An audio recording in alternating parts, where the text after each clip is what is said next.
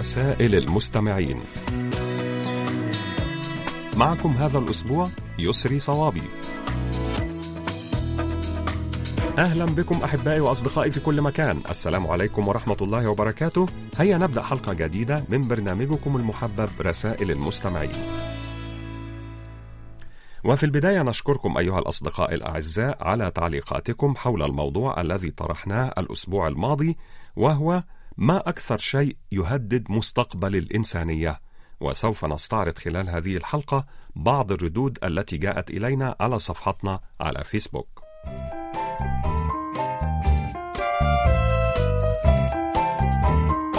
اكتبوا لنا أيها الأصدقاء على صفحة القسم العربي على فيسبوك وأيضا إذا كان لديكم مقترحات بأفكار ترغبون في مناقشتها عبر البرنامج أرجو منكم إرسالها إلى بريد القسم العربي أو إلى ركن رسائل المستمعين.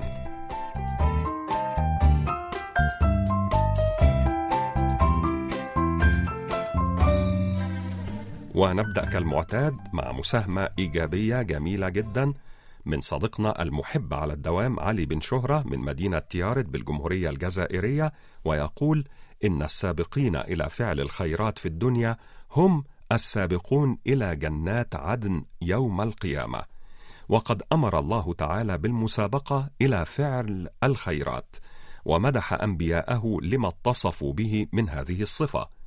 ومن صور التنافس على فعل الخيرات المسابقة إلى إخراج الصدقات.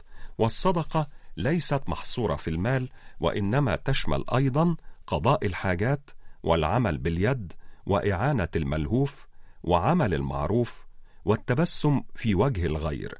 حتى إن الرسول صلى الله عليه وسلم عد كف الأذى عن الناس من الصدقة وقد روي عنه أنه قال إن أحب الناس إلى الله أنفعهم للغير.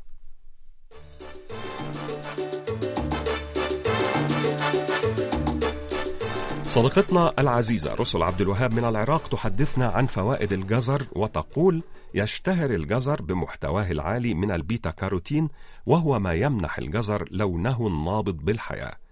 الجزر مفيد لصحة العينين لاحتوائه على نسبة من البيتا كاروتين أكثر من أي خضروات أخرى. ويتحول هذا المركب النباتي إلى فيتامين A في الجسم وهو عنصر غذائي مهم لصحة العين. يحتوي عصير الجزر على نسبة عالية من فيتامين سي أيضا المهم لجهاز المناعة كما يحمي فيتامين A خلايا الجلد من الجذور الحرة وبالتالي فهو عامل مهم في نمو خلايا الجلد ويساعد في تعويض الخلايا الميتة وإصلاح أنسجة الجلد التالفة مما يقلل من الالتهابات ويعزز التئام الجروح. يحتوي عصير الجزر أيضا على كمية من الألياف التي تساعد على تنظيم عملية الهضم حيث يحفز كوب من عصير الجزر قبل الطعام العصارة الهضمية ويساعد الجسم على امتصاص العناصر الغذائية المهمة بشكل أفضل. وتلعب الألياف دورا مهما في صحة الجهاز الهضمي فهي تقلل من خطر حدوث الإمساك.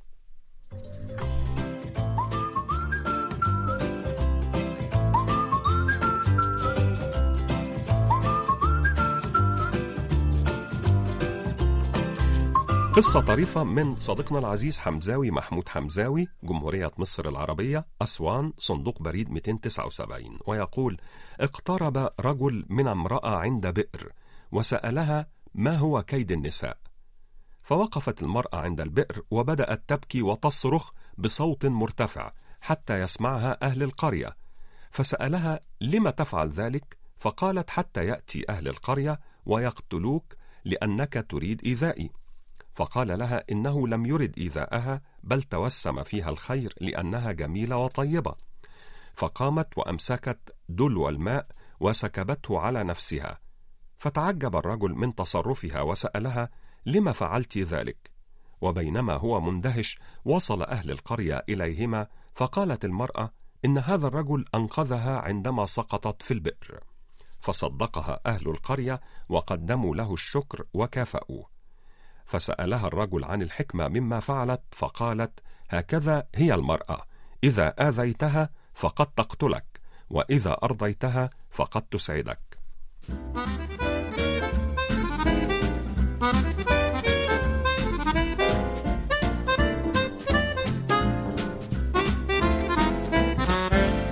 قصة طريفة أخرى بعنوان الأحلام والواقع من مستمعتنا العزيزة ربيعة من مدينة تلمسان بالجمهورية الجزائرية وتقول كانت هناك بائعة حليب في طريقها إلى السوق وبينما كانت تسير حاملة جرة الحليب على رأسها راودتها أحلام اليقظة وبدأت تفكر قائلة سأشتري بذلك المال مئة كتكوت وأربيها في الحظيرة الخلفية وعندما تكبر سأبيعها بسعر جيد في السوق.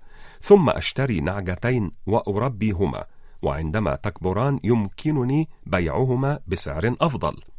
بعدها سأصبح قادرة على شراء بقرة وأحصل على المزيد من الحليب لبيعه. وعندها سيصبح لدي الكثير من المال. وانقادت الفتاة وراء ذلك التفاؤل المفرط حتى بدأت تقفز من السعادة التي غمرتها فوقعت على الأرض وانكسرت الجرة وسال الحليب على الأرض الحكمة هي قم بخطوتك الحالية وركز عليها بعد أن تضع خطة واضحة لحياتك ولكن لا تعيش المستقبل قبل أن تنهي مهمة الحاضر.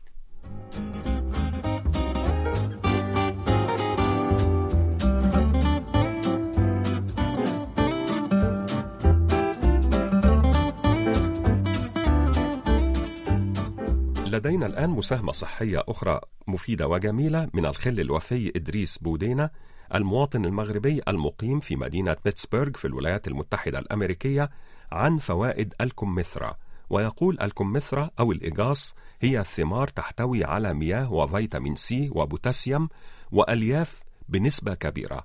وهي مدرة للبول وملينة وغنية بالبكتين والألياف التي تخفض الكوليسترول وتحسن الشعر وتناعمه وتجعل الوجه نضرا وتؤكل الكمثرى نيئة أو مسلوقة.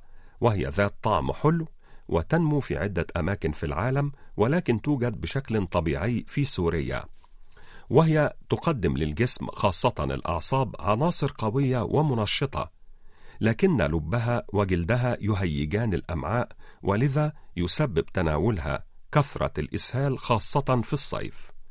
المجفف منها يلين المعدة وهي غذاء جيد للأطفال والرياضيين ومرضى فقر الدم والضعف العام والنقرس والروماتيزم والكبد والمرارة.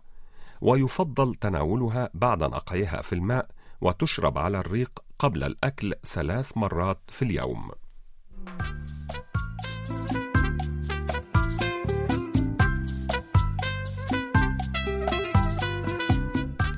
شكرا جزيلا لك يا صديقنا العزيز الخل الوفي إدريس بودينا ونهديك ولكل الأصدقاء الأعزاء.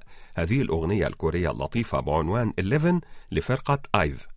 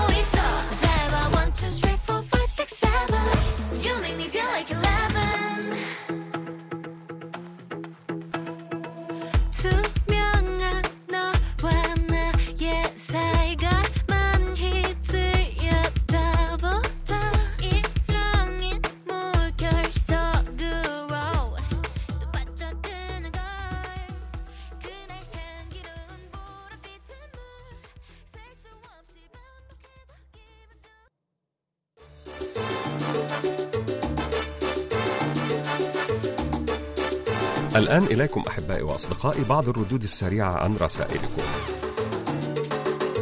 أحبائي وأصدقائي أدعوكم جميعا لإرسال تسجيلاتكم الصوتية التي تحتوي على مساهمات أو كلمات كتبتموها بأنفسكم أو مقترحات أو أفكار تريدون توصيلها عبر البرنامج.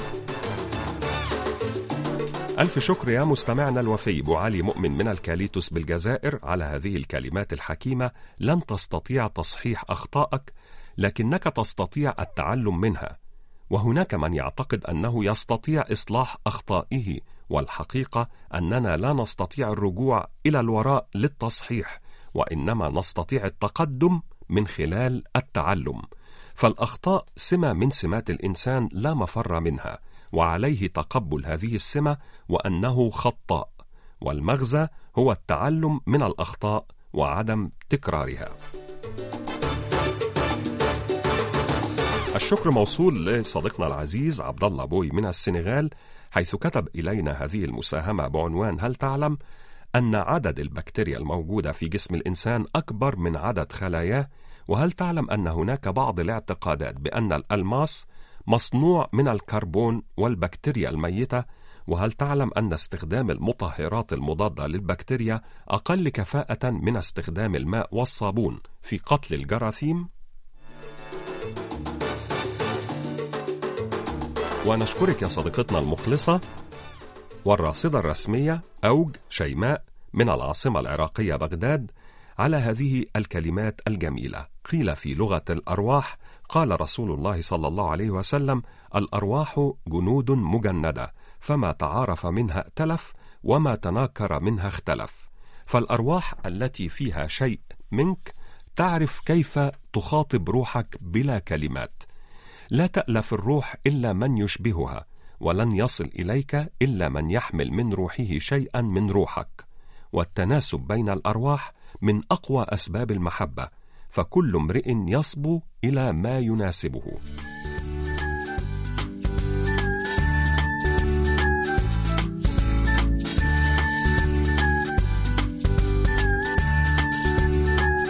نواصل أحبائي مع المستمع المخلص جدا ورفيق الدرب المتواصل عبد الرزاق قاسمي عنوانه صندوق بريد 32 بني ثور ولاية ورقلة 30009 الجزائر. ويحدثنا هذا الأسبوع عن اليوم العالمي للأمم المتحدة ويقول يبرز يوم الأمم المتحدة الذكرى السنوية على بدء إنفاذ ميثاق الأمم المتحدة في عام 1945 وقد ظهرت منظمة الأمم المتحدة على الساحة الدولية بعدما وقعت غالبية الدول الأعضاء بما في ذلك الدول الخمس دائمة العضوية في مجلس الأمن على الوثيقة التأسيسية ويقام حفل يوم الأمم المتحدة في شهر أكتوبر تشرين أول في قاعة الجمعية العامة احتفاء بعمل الأمم المتحدة وتأملا فيه من خلال اللغة العالمية للموسيقى.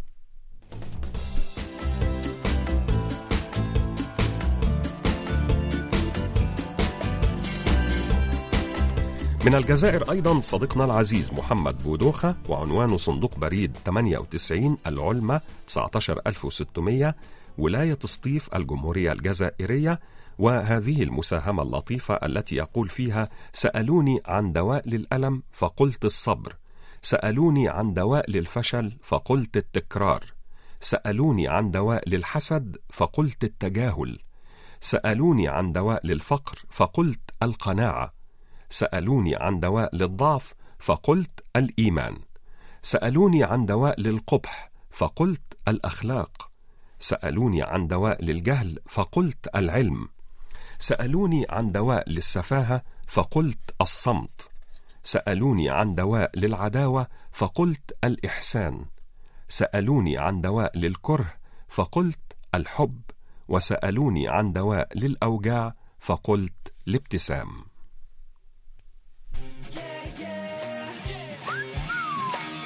Radio. Let's go! Yeah, yeah, 함께 즐겨요. Oh yeah! 우리 모두 다 함께. Let's have a good time together. La la la la. KBS World Radio.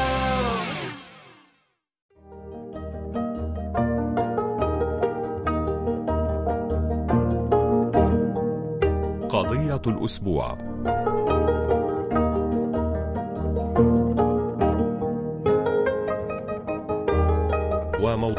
هذا الأسبوع هو ما هو أكثر شيء يهدد مستقبل الإنسانية؟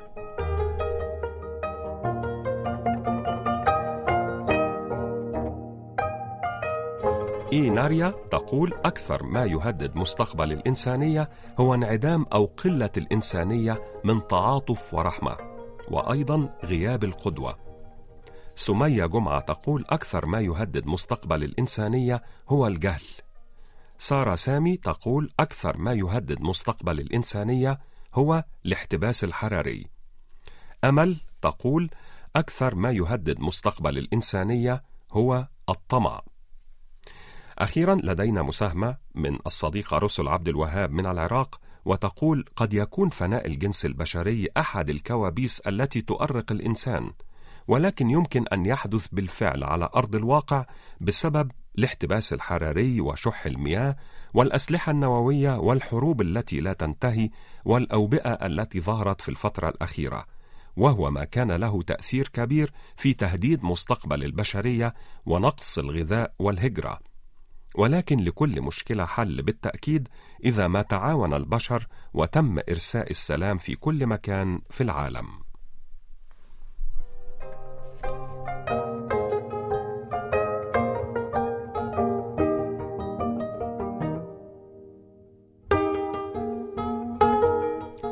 شكرا جزيلا لكم أيها الأصدقاء الأعزاء على كل مشاركاتكم القيمة وننتظر منكم المزيد من المشاركات المفيدة والجميلة وسوف نواصل معكم بعد قليل.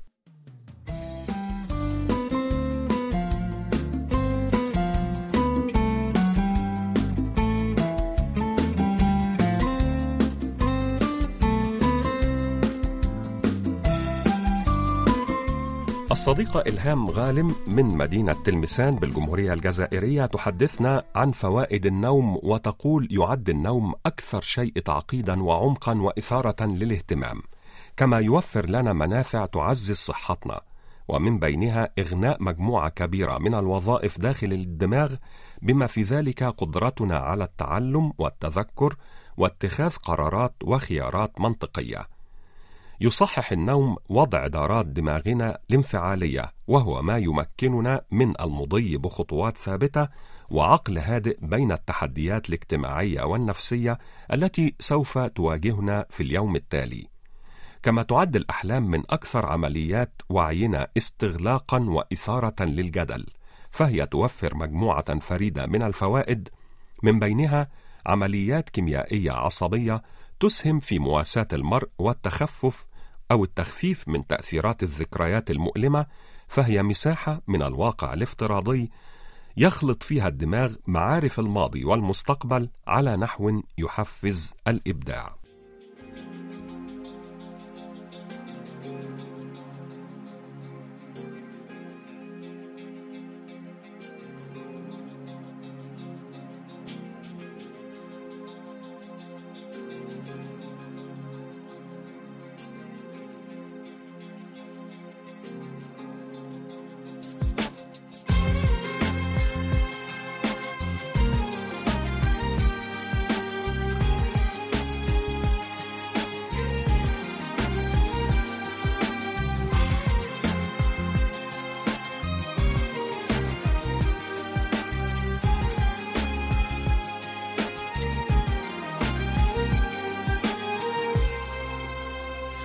أجمل إحساس في الكون إنك تعشق بجنون وده حالي معاك؟ خلتني أعيش أيام مليانة بشوق وغرام دوبني هواك. أجمل إحساس في الكون إنك تعشق بجنون وده حالي معاك. خلتني أعيش مليانة بشوق وغرام دوبني هواك. عشقك بجنون روحي أنا.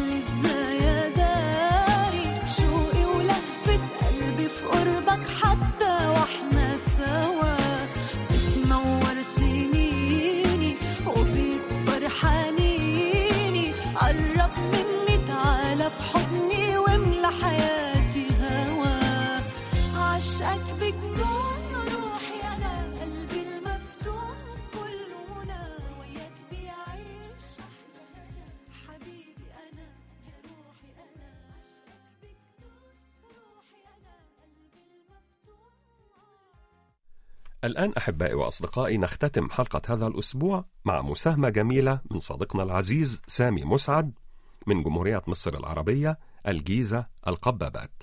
وتحت عنوان قصة وعبرة كتب يقول جلست زوجة على مكتب زوجها وأمسكت بقلمه وكتبت في السنة الماضية أجريت لزوجي عملية إزالة للمرارة ولازم الفراش عدة شهور وبلغ الستين من عمره فترك وظيفته المهمة في دار النشر التي ظل يعمل فيها ثلاثين عاما وتوفي والده ورسب ابننا في بكالوريوس كلية الطب لتعطله عن الدراسة عدة شهور بسبب إصابته في حادث سيارة. وفي النهاية كتبت قائلة يا لها من سنة سيئة للغاية ودخل عليها زوجها يريد أن يجلس على مكتبه ولاحظ شرودها. فاقترب منها وقرأ ما كتبت. فترك الغرفة بهدوء دون أن يقول شيئا ثم عاد بعد دقائق وبيده ورقة أخرى وضعها بهدوء بجوار الورقة التي كتبتها زوجته. فتناولت الزوجة ورقته وقرأت فيها هذا الكلام. في السنة الماضية شفيت من آلام المرارة التي عذبتني سنوات طويلة وبلغت سن الستين وأنا في أتم الصحة وسوف أتفرغ للكتابة والتأليف بعد أن تم التعاقد معي على نشر أكثر من كتاب. وعاش والدي حتى بلغ الخامسة والتسعين دون أن يسبب لأحد أي متاعب وتوفي في هدوء دون أن يتألم. ونجا ابننا من الموت في حادث وشفي بدون أي عاهات أو مضاعفات. وختم الزوج عبارته قائلا يا لها من سنة أكرمنا الله فيها وانتهت بكل خير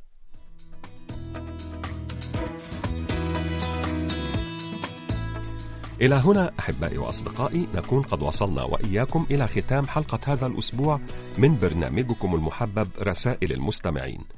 إن شاء الله نلتقي في مثل هذا الموعد الأسبوع القادم وحتى ذلك الحين إليكم تحيات مخرجة البرنامج لؤلؤة بيجونج أوك وتحياتي يسري صوابي.